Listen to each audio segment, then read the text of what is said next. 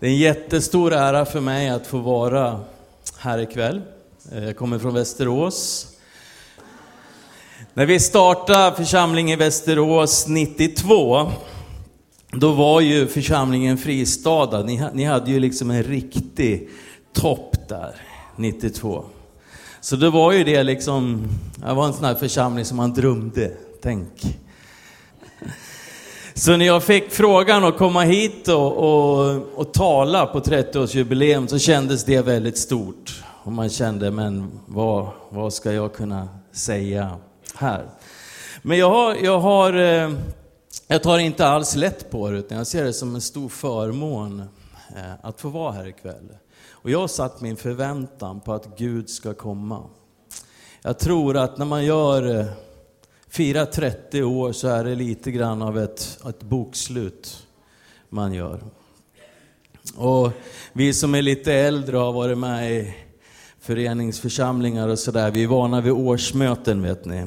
Och då låter man liksom tillgängliga medel gå in i ny räkning. Har ni hört det någon gång? Ja. Och lite så känner jag ikväll att 30 år man samlar på sig saker. Och så får man göra ett bokslut. Men sen så går man vidare. Och jag har satt min förväntan och min tro på att Gud ska röra vi är många individer här. Han talade till oss igår på ett individuellt plan. Jag tycker det var fantastiskt, Carl Gustav, och budskapet som, som han hade igår. Det, det var någonting som vi alla kunde ta till oss och det var någonting som reste tro i våra liv. Men jag tror också det fanns en dimension där det faktiskt talade in i, i det som är hjärtat av den här församlingen kallet, identiteten. Jag tror det talar till ledarskap, jag tror det talar till, till församling. Och jag har bara en längtan efter att Gud ska fortsätta ikväll och röra vid någonting, det där som är djupast, det där som inte går att förändra, men det som vi någonstans måste uppliva för en ny tid. Samma sak, samma grund, det Gud har fött, det är det vi går vidare med. Så låt oss bara räcka våra händer upp till himlen och be att att den helige Ande kommer. Vi tackar dig, himmelske Fader. Vi tackar dig att vi får stå som Fristaden-medlemmar, som vänner, som de som har fått varit med på det ena eller andra sättet. Att vi får stå tillsammans den här kvällen Fader och bara dra ifrån din himmel. Tack att du helige Ande kommer. Öppna våra hjärtan att höra. Tack att du upplivar. Du tar oss eh, och du pekar framåt. Jag tackar dig att du berör människor på olika sätt. Jag tackar dig att du hjälper mig att bara säga de ord som du har bett mig att säga. Men jag tackar dig för att du kan göra dem levande i människors hjärtan. Du kan komma med din helige ande och föda tro, föda eh, eh, en, en förmåga att gå vidare. Jag tackar dig för det du har gjort fram till den här dagen. Men vi ber Fader, vi ber att du kommer med din helige ande och låter den här helgen få vara ett avstamp inför det som ligger framför. Carl Gustaf började igår och eh, han talade om, hur många var det som var här igår?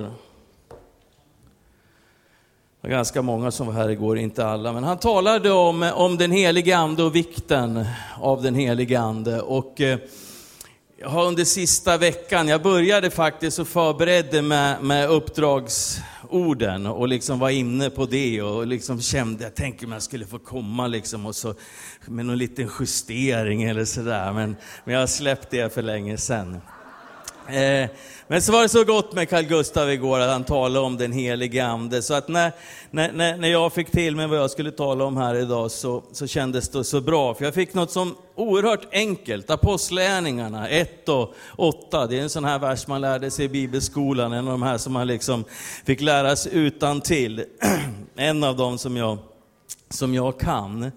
Jag kan inte så många, men den här, den här kan jag. Jag tror du kan den också. Det står så här, men när den helige Ande kommer över er ska ni få kraft och bli mina vittnen i Jerusalem, i hela Judeen och Samarien och ända till jordens yttersta gräns.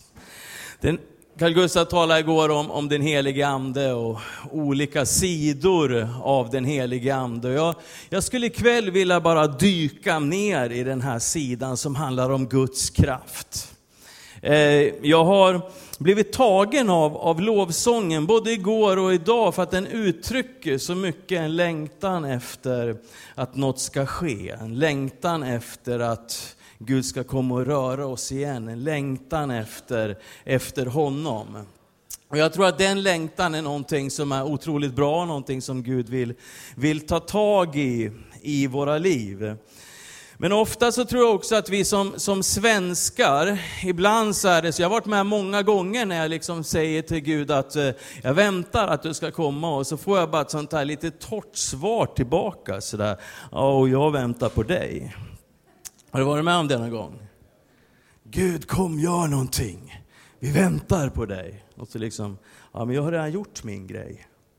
Nu väntar jag på dig. Har du varit med om det? Eller bara jag? Det är bara Västerås. jag har varit med om det många gånger. Eh, och, jag tror på att när du och jag agerar, när du och jag handlar på det som han redan har gjort, det är då någonting sätts igång i himmelen. Så när jag läser en sån här vers, eh, Eh, att vi ska få kraft när den helige Ande kommer över er. Vi kan inte göra någonting utan den helige Ande. Jesus gjorde ingenting på 30 år och sen så kom Anden och sen startade hans tjänst. Och så säger Jesus när han lämnar sina lärjungar, stanna nu, ta det lugnt, gör ingenting förrän den helige Ande kommer. Men när den helige Ande kommer, då ska ni få kraft. Eh, och när vi förstår det här med kraft, ordet är dynamis. Eh, och jag vet inte med dig, är det någon som har lekt med dynamit någon gång? Jag känner mig mer och mer speciell i det här sammanhanget. Är inte ni liksom... Om man har lekt med dynamit någon gång, då blir man nästan rädd för dynamit.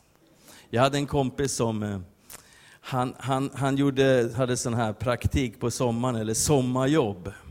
Och så jobbade han på en stenkross och där använde de dynamit. Så det är klart att han smusslade undan lite dynamit. Så när han kom hem till, till Västerås igen så, så sa han, vet du vad jag har? Sa han. Jag har dynamit med mig. Och vi grabbar, vi blev ju alldeles så här, wow, då måste vi, vi måste göra en bomb. Det är ju det man gör med dynamit. Vet ni. Så vi började mixtra, vet du. Och så, och så gick vi ut till ett ställe där det fanns en gammal kåk och så fanns det en trappa där. Och så tänkte vi, för att ingen ska höra det här nu, så, så, så gör vi, vi liksom smäller av den här under trappen. Liksom, då är det ingen som märker någonting. Så vi, vi liksom grejade till det där och så, och så tände vi och så sprang vi allt vad vi, vad vi kunde. Och vi kom några, ganska många meter, men sen var det som någon hade kickat oss i, i ryggarna. Vi bara flög av kraften. Och när vi tittar upp och tittar tillbaka, då fanns det ingen trapp längre. Det var bara ett stort hål där. Och då, får man, då känner man, då får man lite respekt för det här. Med den helige ande och kraft. Jag tror alldeles för många av oss, vi går omkring och så är vi liksom rädda för att ingenting ska hända. Egentligen så skulle vi vara mer rädda för att kraften ska komma. Och Bibeln är ganska tydlig när han talar om, om, om kraften. Det finns någonting som kraften hör, hör ihop med. När Jesus gick runt på den här jorden så predikade han evangelium. Och han predikade evangelium om riket.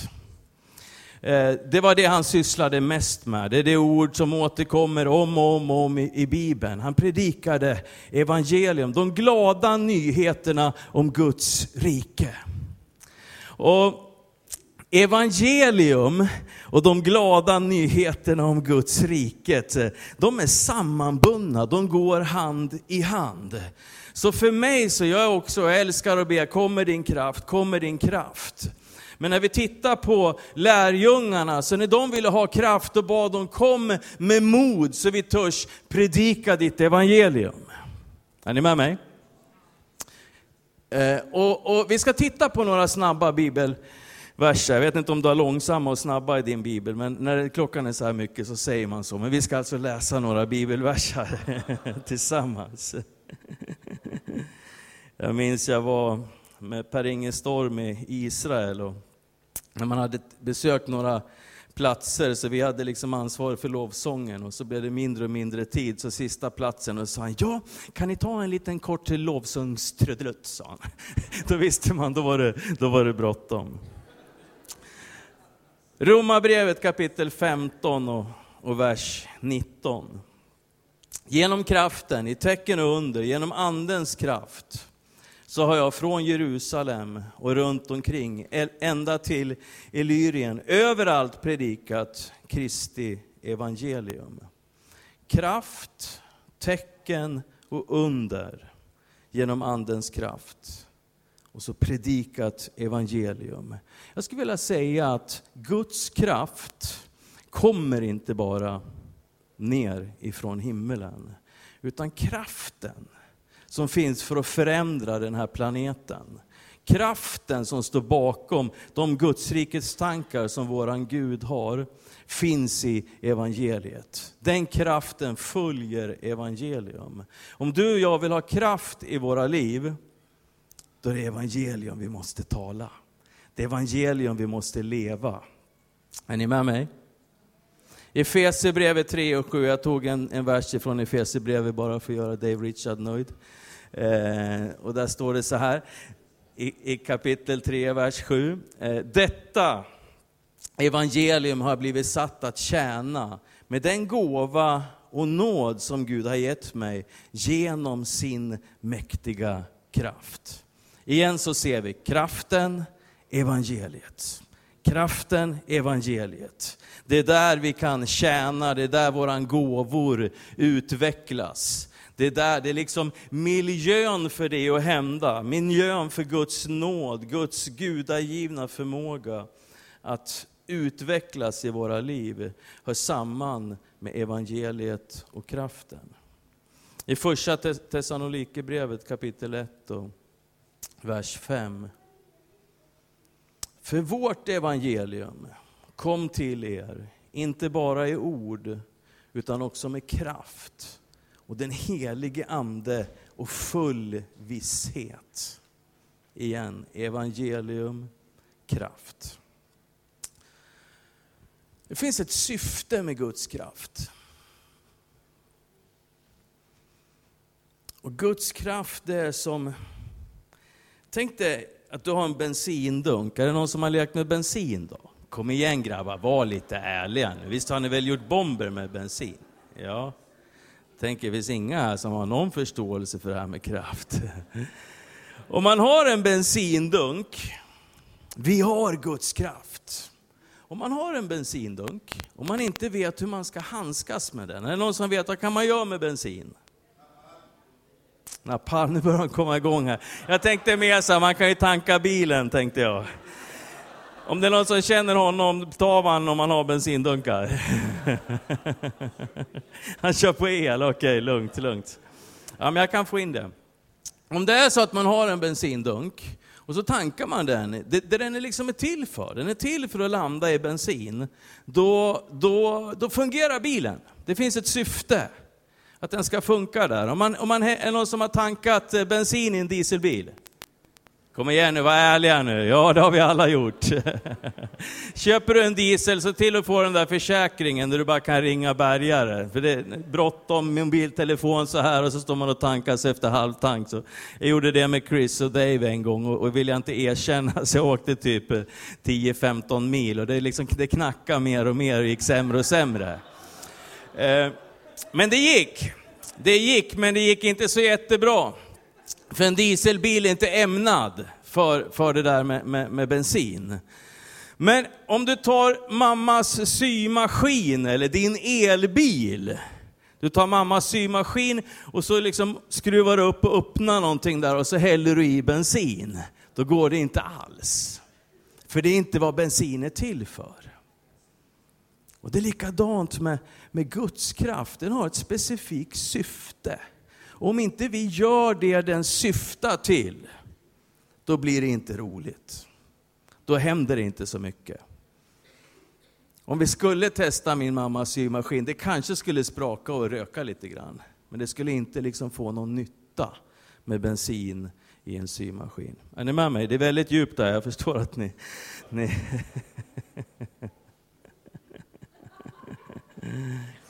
När jag förberedde det här jag fick egentligen bara den här versen, Apostlagärningarna 1 8.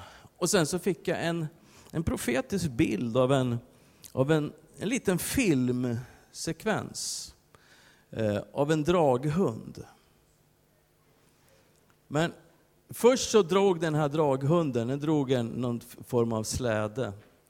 Men sen hade man tagit in den här draghunden i huset och så satt man liksom och, och gosa med den här draghunden i, i soffan. Och jag förstod ingenting först. Men efter ett tag när jag hade bett så förstod jag att Gud har någonting som han vill säga till oss ikväll. Som handlar om Guds rike, som handlar om evangelium, som handlar om Guds kraft. Om vi tar kraften och så använder vi den inte inte till det den är syftad till, så kommer den bli som en tam katt i soffan. Det finns ett speciellt ämnat, eh, det, det Guds kraft är till för. Och det är för att evangeliet ska gå ut. Och inte bara vilket evangelium som helst.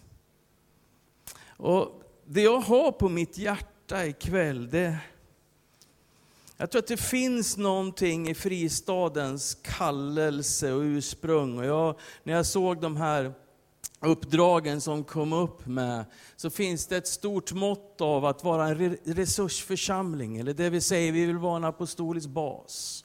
Det är också en fras ni använt, eller hur? Vi vill vara en apostolisk bas. Och det finns någonting av det apostoliska som jag tror Gud vill röra vid den här kvällen. För allt apostoliskt arbete handlar om att bygga Guds rike. Och tyvärr så har vi många gånger växt upp i miljöer i frikyrkan i Sverige, där, det ska jag säga, det blir lite för mycket kyrk, Västerlängs kyrka vet ni. Församling börjar i hem. Församling var en, en, en, explosion, det var en sprängkraft, det var någonting som myndigheter blev upprörda av. Det hade stark politisk påverkan, det var någonting som ville liksom skapa en ny världsordning och så vidare. Men ibland så har vi blivit så kyrkliga. Jag älskar församlingen, jag har gett mitt liv för att tjäna församlingen. Men du vet, ibland när man frågar kristna människor, hur ska det bli liksom? Vad ligger framför oss? Ja, vi ska ha den sista väckelsen. Liksom. Mm, ja. Då säger man så hur blir det då? då? Frågade en, en man för inte så länge sedan i Västerås. Så han sa, ja då får vi sätta ett tak över hela Västerås. Jag tänkte bara, jag förstod inte riktigt vad han tänkte. Men, men han tänkte, det blir ju liksom ett enda stort möte. Liksom. Det, det, var, det, var, det var så han tänkte. Och då känner jag så här, mm, det är så lätt att vi, vi snöar in, så vi tappar. Kyrkan är ju en del i det som, som är Guds rike. Men om vi stannar där, då har vi tappat någonting. Jag tror Gud vill röra vid det här ikväll. Paulus säger så här i Romarbrevet 1 och kapitel 16 och 17.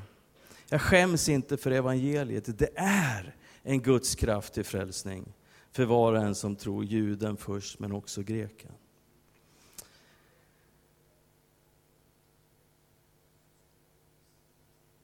Jag har börjat ta, säga så här på sista tiden att ni har olika samlingar och olika situationer. Vi har haft många, många år och, och jag har liksom eh, jobbat för att bli bättre och bättre på att predika evangelium. Men jag kom fram till att mitt evangelium som ofta började i första Mosebok och så korset och så liksom personlig eh, frälsning, ett ganska individuellt evangelium till, till svensken.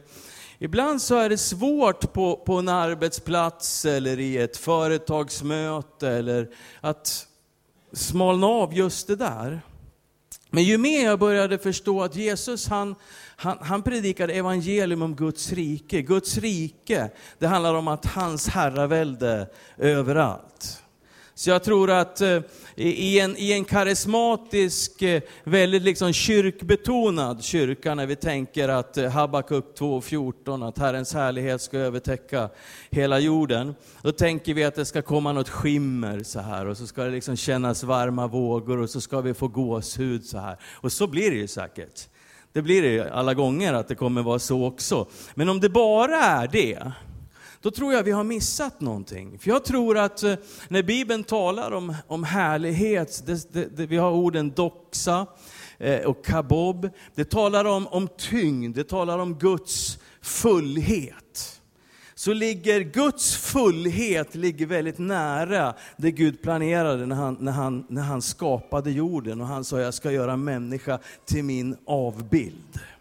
Så jag älskar när jag får gåshud och jag älskar liksom varma flöden och jag älskar när jag inte kan stå för Guds kraft är så, är så stark. Men mer och mer så står de här orden för mig, när härligheten övertäcker hela jorden så betyder det att det är bara Guds avbilder överallt. Och det betyder en hel värld med frälsta människor. Där Jesus är Herre överallt, varenda korvkiosk, varenda pizzeria, var det än är någonstans. Och då tänker jag, då måste jag liksom någonstans lära mig att predika evangelium om Guds rike. Inte bara glada nyheter om Jesus, utan glada nyheter om hans rike. Det han tänker.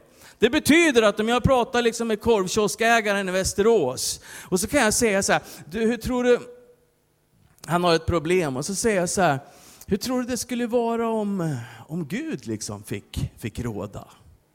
Jag säger det ofta nu för tiden. Man kan säga det i politiska möten, man kan säga det när man pratar med, med, med, folk i arbetslivet, man kan prata om det när man sitter och diskuterar med någon. Jag har använt det massor med gånger nu med den här metoo-debatten eh, som, som är. Så bara säga så här när man börjar prata om hur hemskt det är och hur hemska alla män är och sådär. Så håller man med, de är ju rätt så hemska.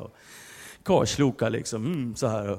Så hakar man på det en, en stund, så, ja det är alldeles fruktansvärt, för det är det ju, det är jätteilla. Men så säger man så här bara. Undrar hur det skulle vara om, om Gud fick bestämma. För det är ju liksom vad Guds rike handlar om. så här.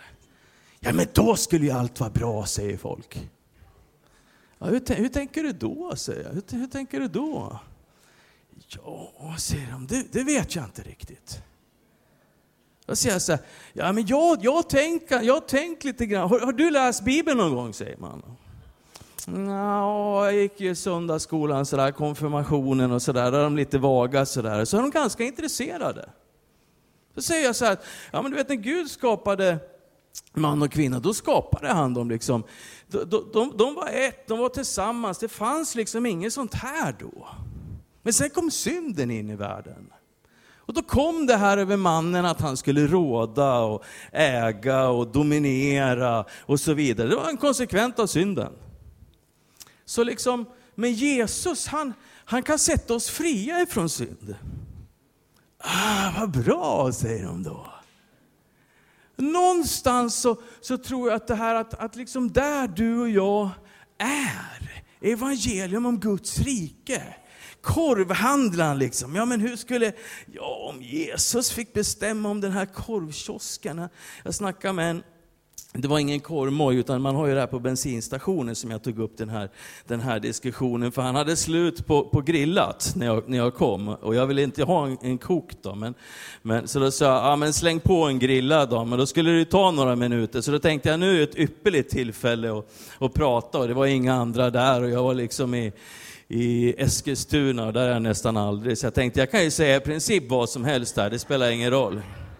Så jag sa där, och han, han, han såg ut som han kom från något arabland, så jag tänkte han har väl någon form av gudsuppfattning. Så jag sa, jag undrar hur det skulle se ut om Gud fick bestämma på den här macken, sa jag, med tanke på korven då. Och då tänkte han länge, och så sa han så här, nej då blev det falafel, sa han. Det kom inte så mycket kraft just där, men, men korven var väldigt hot kan jag säga när jag, när jag fick den sen. Men, men ja, du vet, man, vi, vi, vi, vi liksom behöver försöka, försöka få till talet om korset, evangelium om Guds rike, var vi än är.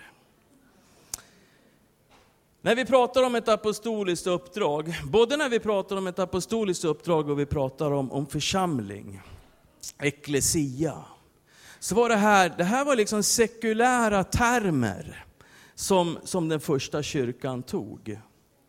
Och jag, jag har jobbat hyfsat mycket med det här och tänkt varför, varför tog man sekulära termer? Varför tog man inte judiska liksom, uttryck som man var van i tidigare. För det har man ju gjort i många andra situationer när, när man talar om, om, om eh, församlingen. Och en del bibelforskare de, de menar ju att det var ju för att man tog ord som inte var så viktiga och så vill man fylla dem med, med nytt eh, innehåll. Har jag rätt Joel? Joel eh, han vet inte, så nu, nu, nu är jag på djupt vatten. Men ordet, ordet för, för församling, Ecclesia, eller som på spanska, iglesia säger ni va? Eh, det, det var ett ord som, som stod för en, en, en politisk samling. En grupp människor som hade hand om och tog beslut om politik, krig och fred, ekonomi, utbildning och så vidare. Jag tror att som församlingar så kommer vi ofta alldeles för långt bort ifrån det här. Vi tänker att men vi ska ju vara kyrka, så vi ska ju liksom inte, vi ska inte röra oss vid politiken, det får vi inte göra. Och vi ska inte bry oss om det här och det här. Men jag älskar er den här visionen, ut i alla världar. Och jag skulle liksom vilja, för det är en sak att ha det liksom på tavlan. Jag vet, ni är ju ute i, i, i några världar, men jag vill tala till det yngre, det nya ledarskapet i, i, i fristaden. Det här är någonting som inte kommer av sig själv. Det här är någonting som man måste leva i, man måste få tro för det här, man måste bli liksom, ah! Det går inte att försöka komma ut i, i svenska alla världar och, så, och liksom tänka att, mm, så här. Det måste bli lite mer 80-tal. Kommer ni ihåg Håkan och Gunilla på 80-talet? Jag var rädd att ikväll, om jag predikar så här, det är bara Gunilla som kommer gilla mig, tänkte jag. Men jag tycker jag har hållit mig på mattan rätt bra hittills. Det är liksom, jag har varit lite lågmält här ikväll, så jag tänkte jag får börja gå igång lite försiktigt sen. Så här. Eh, men, men det är någonting, om vi vill ut i alla världar, då måste vi ha en förståelse att det finns en kraft bakom oss. Och det finns ett uppdrag framför oss och vi har en stor Gud som är hungrig och väntar på att vi ska inta det här landet. Han vill inte, liksom ibland tror vi att vi ska sitta och vänta och det ska bli sämre och sämre och sämre. Sen är vi liksom tre fristadare kvar liksom i någon källare som håller fast vid den här gamla skylten, liksom fristadsvisionen. Och så kommer Jesus tillbaka. Nej! Lägg av! Vi tror på en stor Gud. Vi tror på Guds härlighet som ska övertäcka hela jorden. Vill du sitta där i källaren, det är okej okay för dig, men, men, men jag gillar att ha lite, liksom, lite schysst framtidstro. Apostel, det ordet, det kom ifrån, både greker och romare hade använt det ordet. Och det stod för, alltså det var, det var befälhavaren av, av, av ett, man, de kom som en konvoj, de kunde komma på skepp och så vidare. Och så kom man, för när man hade intagit ett område, då liksom hade man lärt sig att om, jag, om vi bara åker hem nu så tänker vi, ja men nu är ju det här området Grekland och det är ju fint. Och så kom man tillbaka några år senare, då var ingenting förändrat. Det såg precis ut som vanligt. Så då skickar man en grupp människor som skulle förändra det här. Alltså om kejsaren i Rom hade intagit ett område, då skickade man en, en, en grupp som kom med allt som behövdes för att förändra det här landet, som kom att förändra den här, den här liksom, eh, platsen som man hade intagit. Man ändrade språket, man ändrade kulturen, man ändrade maten, det tror jag ni kommer vara bra på. Eh, man ändrade eh, valuta, man ändrade byggnader, man präglade den här platsen så att en dag, när kejsaren skulle komma tillbaka, när kejsaren skulle sätta sina fötter på den här platsen, då skulle han känna att wow, det här är precis som hemma. Nej men Mats, inte tänker du så. Tänker du att Jesus ska komma tillbaka till jorden och så ska han säga så här, ja det här är ju precis som hemma. Det är väl lite väl. Det är väl lite väl Mats. Jag tror inte det. Jag tror det är Guds plan. Jag tror det är hans tanke. Och han söker ett folk som vågar tro på det. Han söker ett folk som vågar gå in i olika världar för att förändra. Han tror på ett folk som vågar idag predika evangelium om rike. I alla olika situationer, om du är i politiken, om du är i arbetslivet, var du än är. Våga, sänk dig in. Vad skulle det hända om Jesus fick kontroll på det här området? Vad skulle ske? Vad skulle han göra? Och så kan du ställa frågan, jag undrar hur det skulle vara om Gud fick bestämma. Vi ska titta lite på det här när vi talar evangelium, vad som händer. Vet, Jesus säger så här, bönen som vi ber, Herrens bön. Fader vår som är i himmelen, låt ditt namn bli helgat. Låt ditt rike komma. Låt din vilja ske.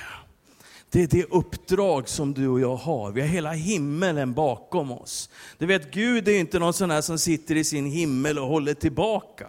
Jesus är inte någon som vi måste hålla på och be och be och be och be att han ska liksom göra någonting.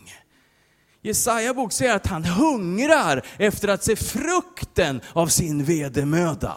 Du vet, hela himmelen är på för att du och jag, liksom för att backa upp dig och mig. Men om vi står där med våra symaskiner och våran liksom bensindunk, då händer ingenting. Men om vi sätter in evangelium där det ska vara, och vi predikar det där vi ska predika det, då förlöser vi Guds kraft. Och det här behöver du och jag leva med. Du och jag behöver tänka så här, du och jag behöver se det här, att hela himmelen backar upp. Vad backar den upp? Evangelium om Guds rike. Så så fort du och jag börjar ta steg åt det hållet, då är himmelen på. Jesus han kan sitta och sova. Jag brukar ibland känna så här, du vet, jag, jag, tänker, jag tänker mycket så här, jag tänker att hela himmelen står på tå. Jag tänker att änglarna är, är runt mig. Jag tänker att, att, att liksom den helige ande som är utgjuten över allt kött, var jag än kommer så är det en helig ande, i vilken situation som helst. Och så tänker jag så här, nu bara väntar han. Han bara väntar, liksom. explosionskraften är här. Han bara väntar på att jag ska säga någonting. Han bara väntar att jag ska röra mig på ett sätt så den heliga Ande, ja men nu, nu, gör han, nu gör han det här som ämnat till. Och så många gånger så blir jag så ledsen på mig själv. Så här, man kommer ut på morgonen och så är liksom grannen. Ja, tjena! Den helige Ande liksom. Ja, det är fint väder. Jag förstår, inte Uddevalla, men i Västerås kan vi ha sådana här fraser ibland. Jodå, så att, eh, jodå. Är du ledig eller? Nej, jag ska iväg på kneget. Mm. Ständiga plågor. Mm. Och så går han liksom. Och, så, och sen när man ska gå, gå tillbaka, man hämtar posten, så kommer man på, nej men vad gjorde jag för någonting? Vad gjorde jag? Så känner man den heliga ande bara lunkar efter så här. Jättebesviken. Hela himmelen bara bu. Jesus han är så frustrerad liksom. Nej, inte igen. Svenska, prata väder. Romarbrevet 10. Men hur skulle de kunna åkalla den som de inte har kommit till tro på? Och hur skulle de kunna tro på den som de inte har hört? Och hur skulle de kunna höra om ingen predikar? Att inte tala om Guds rike, att inte tala om hur den här världen skulle se ut om han fick bestämma. Om inte tala om hur, hur liksom samhället, hur äktenskapen, hur barnen, hur utbildningen, hur skolorna, allt det här, hur, hur det skulle vara om han fick bestämma. Det är att undanhålla människor från rätten att bli Guds barn. För när du och jag talar, då kommer tron till liv. Och, och, och ofta så är det svårt i situationer att, om vi liksom smalnar av evangelium, om det bara är korset. Det är ju liksom det centrala av allting. Jag var på ett sånt här föreningsmöte för någon, någon vecka sedan. Och vi satt och pratade och det kom upp frågor och man pratade om olika saker. Och så, Och så bara sa jag sådär igen, ja, så jag, jag, jag har inte orkat tänkt så mycket på det där själv, för jag, liksom, jag har försökt nästan hela livet att bara tänka ut saker själv. Men, men jag tänker mer så här idag, att de undrar hur det skulle vara om Gud fick, fick bestämma. Och sen när man bara prata en stund om det och de börjar ställa frågor, då händer det någonting. Det händer någonting i anden. Det händer någonting runt omkring. Varför det? För änglarna längtar efter det här. Änglarna längtar, Jesus hungrar och den helige ande är där.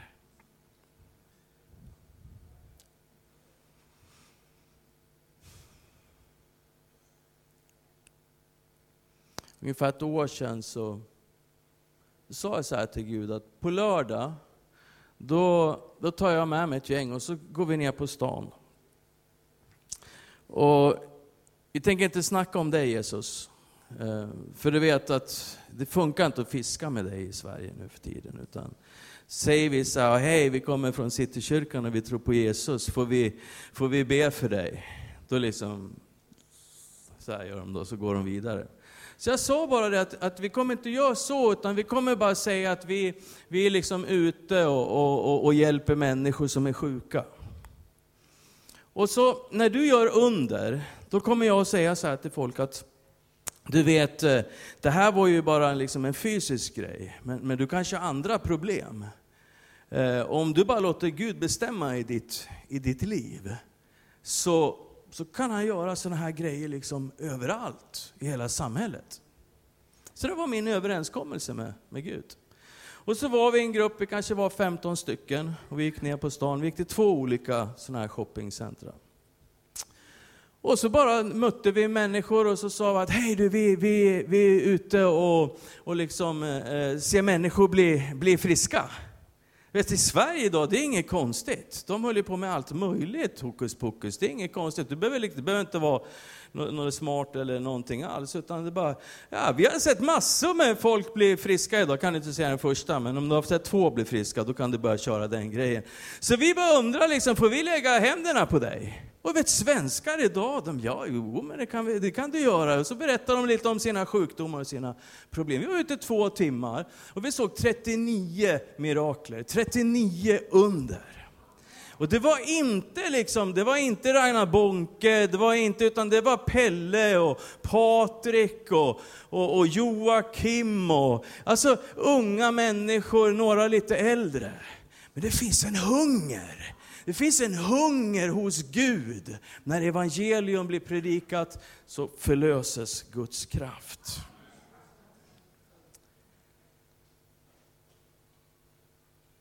Vi ska läsa några bibelversar. Eh, och jag skulle vilja lämna dig här ikväll med, med att du har en hunger efter att och förstår att den hungern som du har, den delas av hela himmelen. Och den kraft du längtar efter, den följer talet. De glada nyheterna om Guds rike. Så här står det i Hebreerbrevet 1 och vers, från vers 14 läser jag in i några verser fram till 2 och 4. Är inte änglarna andar i Guds tjänst utsända för att hjälpa dem som ska ärva frälsningen? Därför måste vi så mycket mer ta vara på det vi har hört så att vi inte driver bort med strömmen. Är det någon som känner igen sig där? Visst kan det vara lätt att bara driva med med strömmen. För om redan det ord som gavs genom änglar stod fast och varje överträdelse och olydnad fick sitt rättvisa straff. Hur ska vi då komma undan om vi inte bryr oss om en sån frälsning? Den förkunnades frälsningen, den förkunnades först av Herren och bekräftades sedan för oss av de som hade hört honom. Även Gud gav sitt vittnesbörd genom tecken och under och kraftgärningar. Det här är någonting som, som följer igenom hela Bibeln, att Guds kraft följer talet om riket, talet evangelium, talet om frälsning. När det står här, är inte änglarna andar i Guds tjänst? Jag skulle vilja måla en bild för dig, där du förstår att vi är omgiven av en, av en sky av vittnen. Änglar som är sända för ett uppdrag. Änglar som väntar på att utföra Guds befallningar. Psalm 103, vers 20 och 22 säger så här. Lova Herren, ni hans änglar, ni starka hjältar, som utför hans befallning. Änglarna, de är till för att utföra hans befallning, det som är hans uppdrag, det som är hans plan, det som han har planerat ska ske.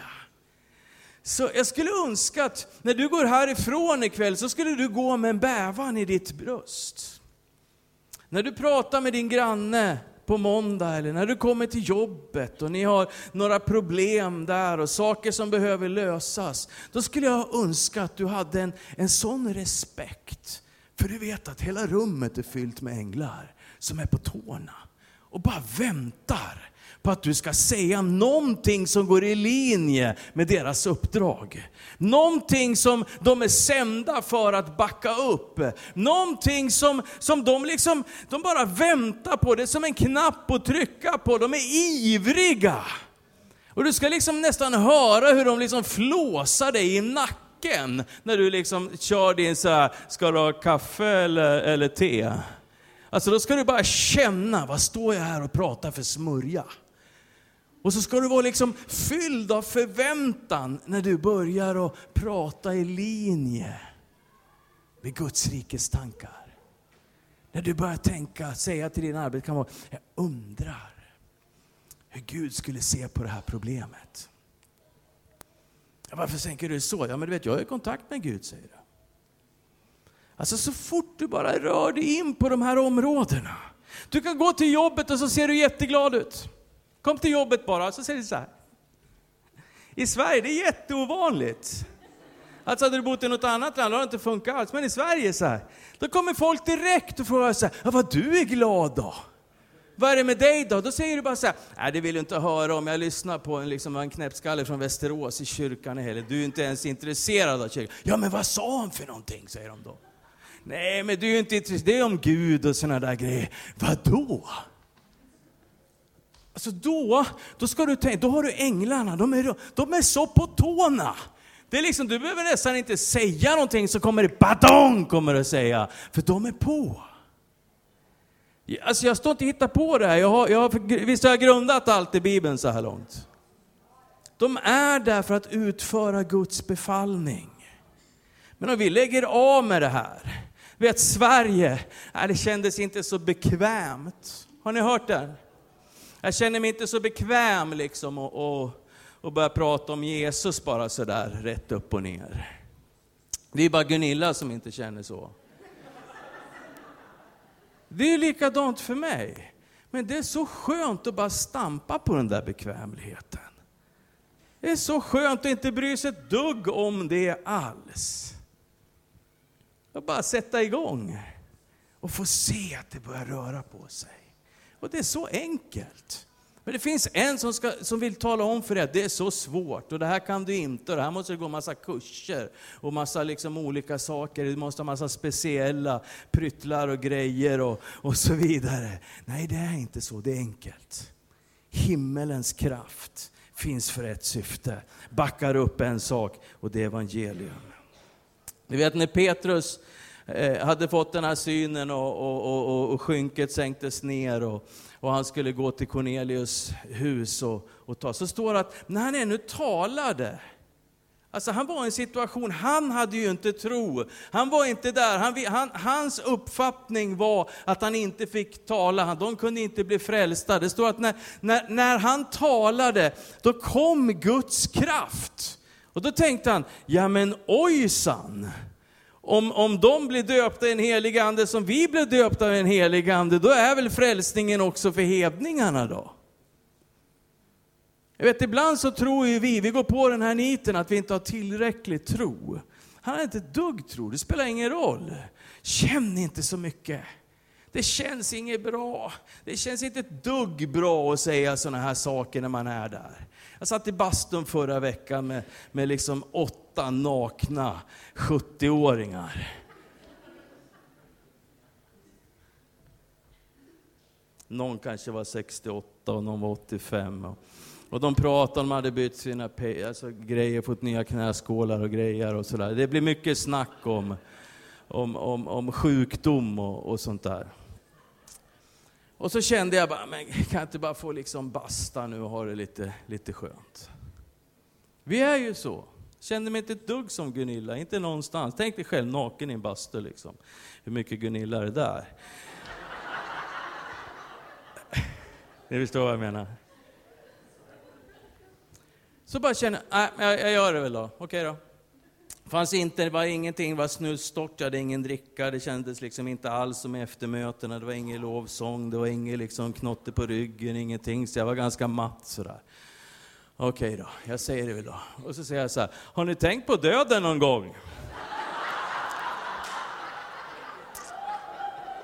Man gör ju inte så i Sverige. Man, man, man, man gör inte så. Det, inte, fanns ingenting i hela mig som var något bekväm i den situationen alls. Det här är mina grannar.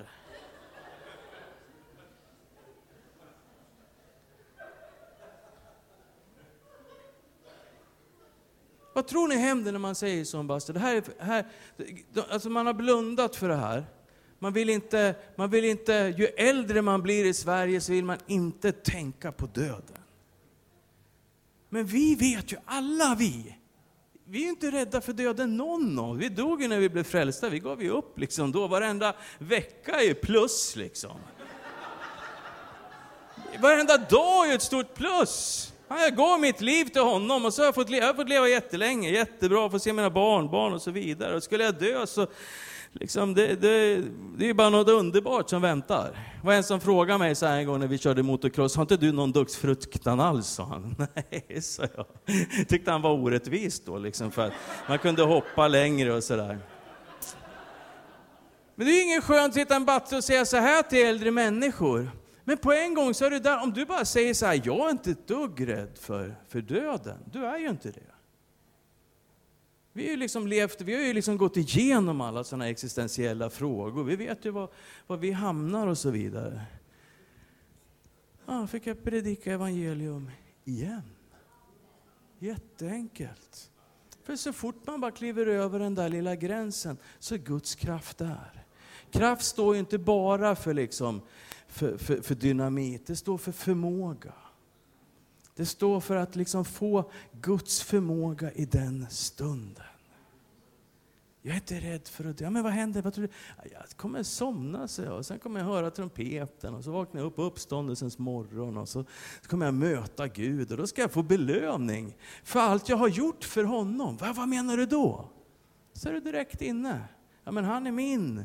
Han är min, liksom, han, det är han som bestämmer i mitt liv. Jag vill att han ska... Direkt är du där. Evangelium om Guds rike, hans herravälde, boom, så är kraften där. Tron är där, livet är där. Det bara, det bara funkar. Men du vet, två sekunder innan när man sitter där och svettas och tänker, jag kan inte bara säga så här. Då känns det ju inte så. Sluta känna efter så mycket. Gör det du ska göra bara. Eller hur?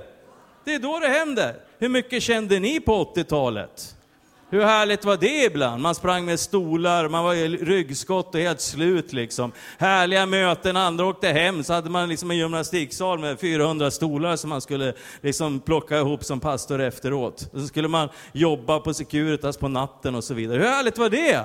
Men vi gjorde det! Och det här är en frukt av det som man gör när vi tar i lite grann. Ska vi avsluta tycker ni? Har ni fått tag i det här? Vi ska avsluta och läsa i Apostlagärningarna. Har du med dig din bibel så kan du slå upp det här istället. Apostlagärningarna 4. Här är ju Petrus och Johannes och det är förföljelse och det är svårt och det är inte ett dugg härligt. De har precis blivit utsläppta ur fängelse och de går till sina egna. Och Alltså det här, det här skulle aldrig hända i Sverige idag. Tänk om de skulle sätta oss i fängelse och så fick vi sitta där. Det är ju inte så jobbigt nu för tiden att sitta i fängelse. Men, men alltså om det var fängelse som det var då, eller om vi fick utstå lite förföljelse och så vidare. Så kom vi till våra egna, då skulle vi säga så här, det är så synd om mig. Nu behöver jag tre veckors själavård och massage och, och liksom spa och grejer och åka till, till sådana här varma orter och vila upp oss och så vidare. Det är så hemskt. Men de här grabbarna, när de kom tillbaks till sina egna, alltså det de hade gjort, det var ju att de hade frimodigt talat om Guds rike. Det var därför de hade hamnat i fängelse. Är ni med mig? Ni tittar på mig en del som om jag är ett ufo. Jag kommer bara från Västerås. Jag, jag grundar det här i Bibeln, eller hur? Jag har inte sagt något. Nej, ja, bra, bra. Jag blir osäker här. Det är lite sent också, så ni är, ni är helt förlåtna. De har, de har liksom fått lida förföljelse på grund av sin frimodighet, på grund av att de har vågat liksom proklamera, vågat sagt det som är sant, vågat tala om Guds rike. Så kommer de till sina egna och så börjar de att be. Och så ber de så här, och nu Herre, se hur de hotar oss. Hjälp dina tjänare att frimodigt förkunna ditt ord genom att du räcker ut din hand och låter helande tecken och under ske genom helige tjänare i Jesu namn. Det är igen så här, låt oss få predika så kraften kommer. När de hade slutat bett så skakade platsen där de var samlade och de uppfylldes alla av den helige ande och förkunnade Guds ord med frimodighet. Alltså de, har, de, de kommer inte att se, om, se så synd om oss, utan de ser den här frimodigheten vi hade där som ställde till allt det här, det här omloppet, den här turbulensen och liksom att myndigheter och att de satte oss i fängelse. Kan, kan vi få lite mer av det nu? Kan vi få lite mer av det här? Och så då bara förlös himmelen. Alltså allt för ofta så har vi ett sånt här, eh, eh jag vill ha mentalitet i våra kyrkor.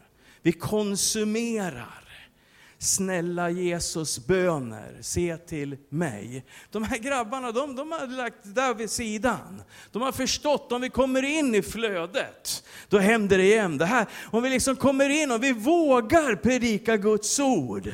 Och de hade suttit i fängelse, vi sitter ju inte i fängelse. Folk kanske kan tycka att vi är lite knäppa i en bastu, liksom, men hur jobbigt är det? jämfört med det här. Men de hade förstått, ge oss frimodigheten så vi kan förkunna ditt ord. För då kommer kraften, då kommer undren, då kommer miraklerna, då kommer allt det här i himmelen som bara finns där för ett enda syfte. Att Guds rike ska etableras, utvecklas och växa i Sverige. Jag skulle vilja att, att alla som vill vara med om den här bönen, alla som vill göra skillnad från och med idag, så skulle jag vilja att vi bara kommer fram. Vi ska be en bön tillsammans innan, innan vi liksom går vidare ikväll. Så vi kan väl resa oss upp tillsammans och så kommer du som känner att, ja men det här, jag vill ha det här, jag vill ha mod, jag vill våga. Jag vill våga säga vad som helst. Nu har jag gett lite exempel här och det är mina exempel, så jag, jag är inte mina grejer, lova mig det. Och du skulle inte, det skulle inte heller funka för dig. Men det finns situationer och platser där du är på. Det finns en nåd ifrån himmelen som funkar precis för dig. Det finns avmätt i himmelen det som behövs där du är, där du lever, den kyrka du står i, det sammanhang som du finns i. Och himmelen vill backa upp oss. Tack Jesus. Tack Jesus. Ska vi ta varandras händer? Jag tror på överförande av smörjelse. Jag tror att eh, det vi alla representerar av gåvor och kraft och styrka i var och en, när vi ber den här bönen och håller varandra händer, så kan vi få se en multiplikationseffekt här. Där du och jag blir hungrigare än vad vi varit tidigare, frimodigare än vad vi har varit tidigare. Där vi bara åh, längtar och har en förståelse för att himmelen inte är emot oss. Vi behöver inte liksom be och be och be, men när vi börjar röra oss, då kommer Guds Guds kraft, Guds liv, allt vad det är som är andevärld, det som är änglar, det som är till för att förändra den här jorden, det kommer i rörelse. Så vi står Fader, vi står inför dig den här stunden. Vi står inför dig Fader, vi minns, vi minns 30 år tillbaka. Men Fader, vi vill titta framåt den här stunden. Vi vill se Fader, en förändrad land. Vi vill se en förändrad stad. Vi vill se en nation Fader, som böjer knä inför dig. Du säger att en dag ska varje knä böjas.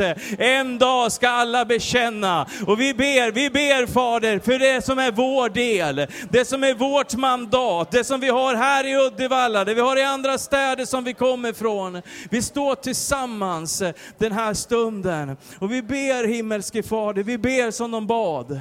I Apostlagärningarna 4. Vi ber om ditt mod Fader och bara tala ut, bara säg det. Kommer ditt mod, kommer ditt mod. Fyll oss med ditt mod. Jag ber Fader om en förmåga, att ditt ord kommer och att det åtskiljer själ och ande, märg och ben. Jag ber att det tränger igenom. Jag ber om uppenbarelse. Jag ber om en hunger efter att ditt rike ska etableras, att ditt rike ska utbredas. Jag ber om en förståelse för hur det skulle se ut om du fick bestämma i allas våra liv, i alla våra släktingars liv, alla våra arbetsplatsers liv, var vi än är, var vi än befinner oss. Kom och uppenbara vad du vill göra på företaget. Kom och uppenbara vad du vill göra i relationer, i arbetsgrupper, i studiecirklar, på, på skolor. Kom och uppenbara så vi kan se, att vi kan se ditt rike. Och så ber jag himmelske Fader, jag ber att du smörjer oss den här stunden. Jag ber att du sträcker ut dina händer ifrån ovan Fader. Och ger av din förmåga, din förmåga att göra kärleksgärningar. Din förmåga att bryta igenom med ord. Jag ber om situationer där vi behöver din vishet, där du behöver skärpa hjärnor för att vi ska kunna komma med överbevisning. Jag ber om situationer där du behöver röra våra hjärtan. Så att vi kan komma in med din kärlek och med ditt liv. Jag ber Fader att du räcker ut dina händer den här stunden. Jag ber att du skakar våra liv och våra sammanhang. Jag ber himmelske Fader att du uppenbarar så vi ser vad vi har bakom oss. Låt ordet dynamis leva i våra liv. Åh, låt din vishet komma. Jag tackar dig Fader, tackar dig Fader, tackar dig Fader. Bara säg så här nu, jag förlöser säger du. Jag förlöser, jag förlöser till den som står till höger. Jag förlöser till den som står i vänster. Jag förlöser mod, mod, mod, mod i Jesu namn. Jag tackar dig Fader, jag prisar dig Fader.